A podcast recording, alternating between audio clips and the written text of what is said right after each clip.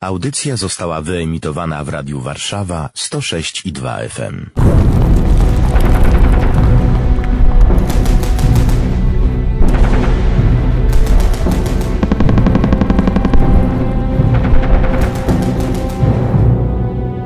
Warszawa pamięta!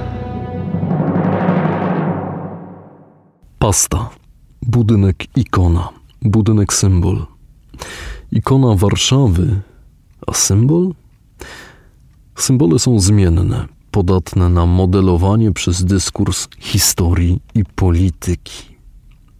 Na początku XX wieku była symbolem nowoczesności.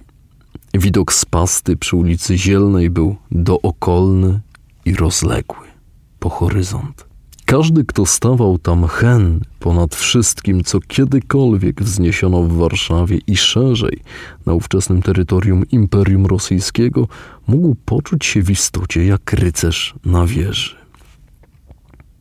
Gdyby Państwo tylko mogli spojrzeć na ten, a właściwie tamten, majestatyczny budynek sprzed wojny, ceglany jak baszta zwieńczony blankami, warowna wieża.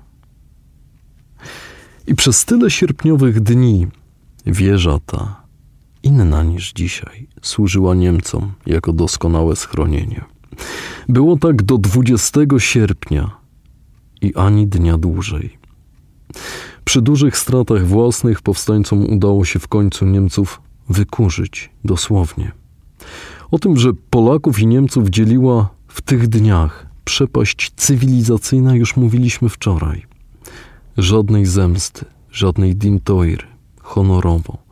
Zgodnie z regułami wojny, obrońcy pasty zostali wzięci jako jeńcy. Włos żadnemu z głowy nie spadł.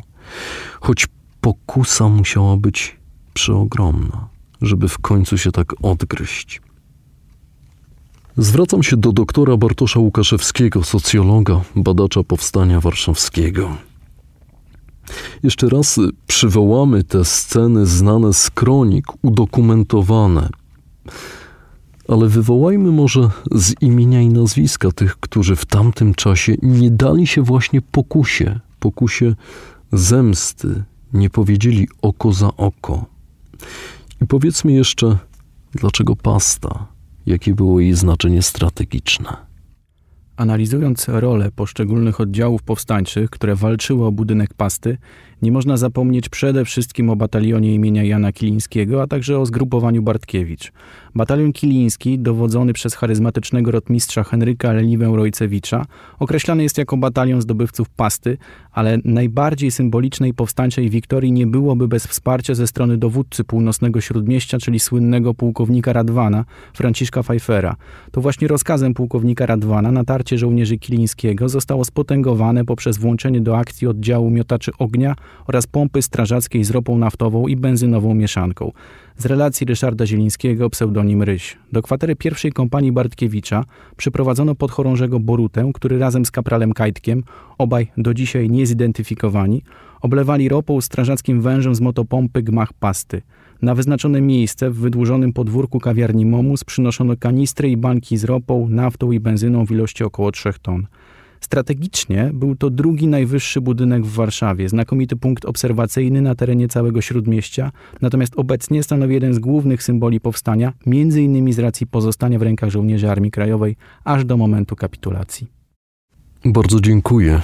Nie muszę chyba kończyć zatem myśli podjętej przed kilkoma minutami o tym, że symbol jest zmienny i że pasta była kiedyś symbolem nowoczesności, a dziś jest, tak jak pan doktor powiedział.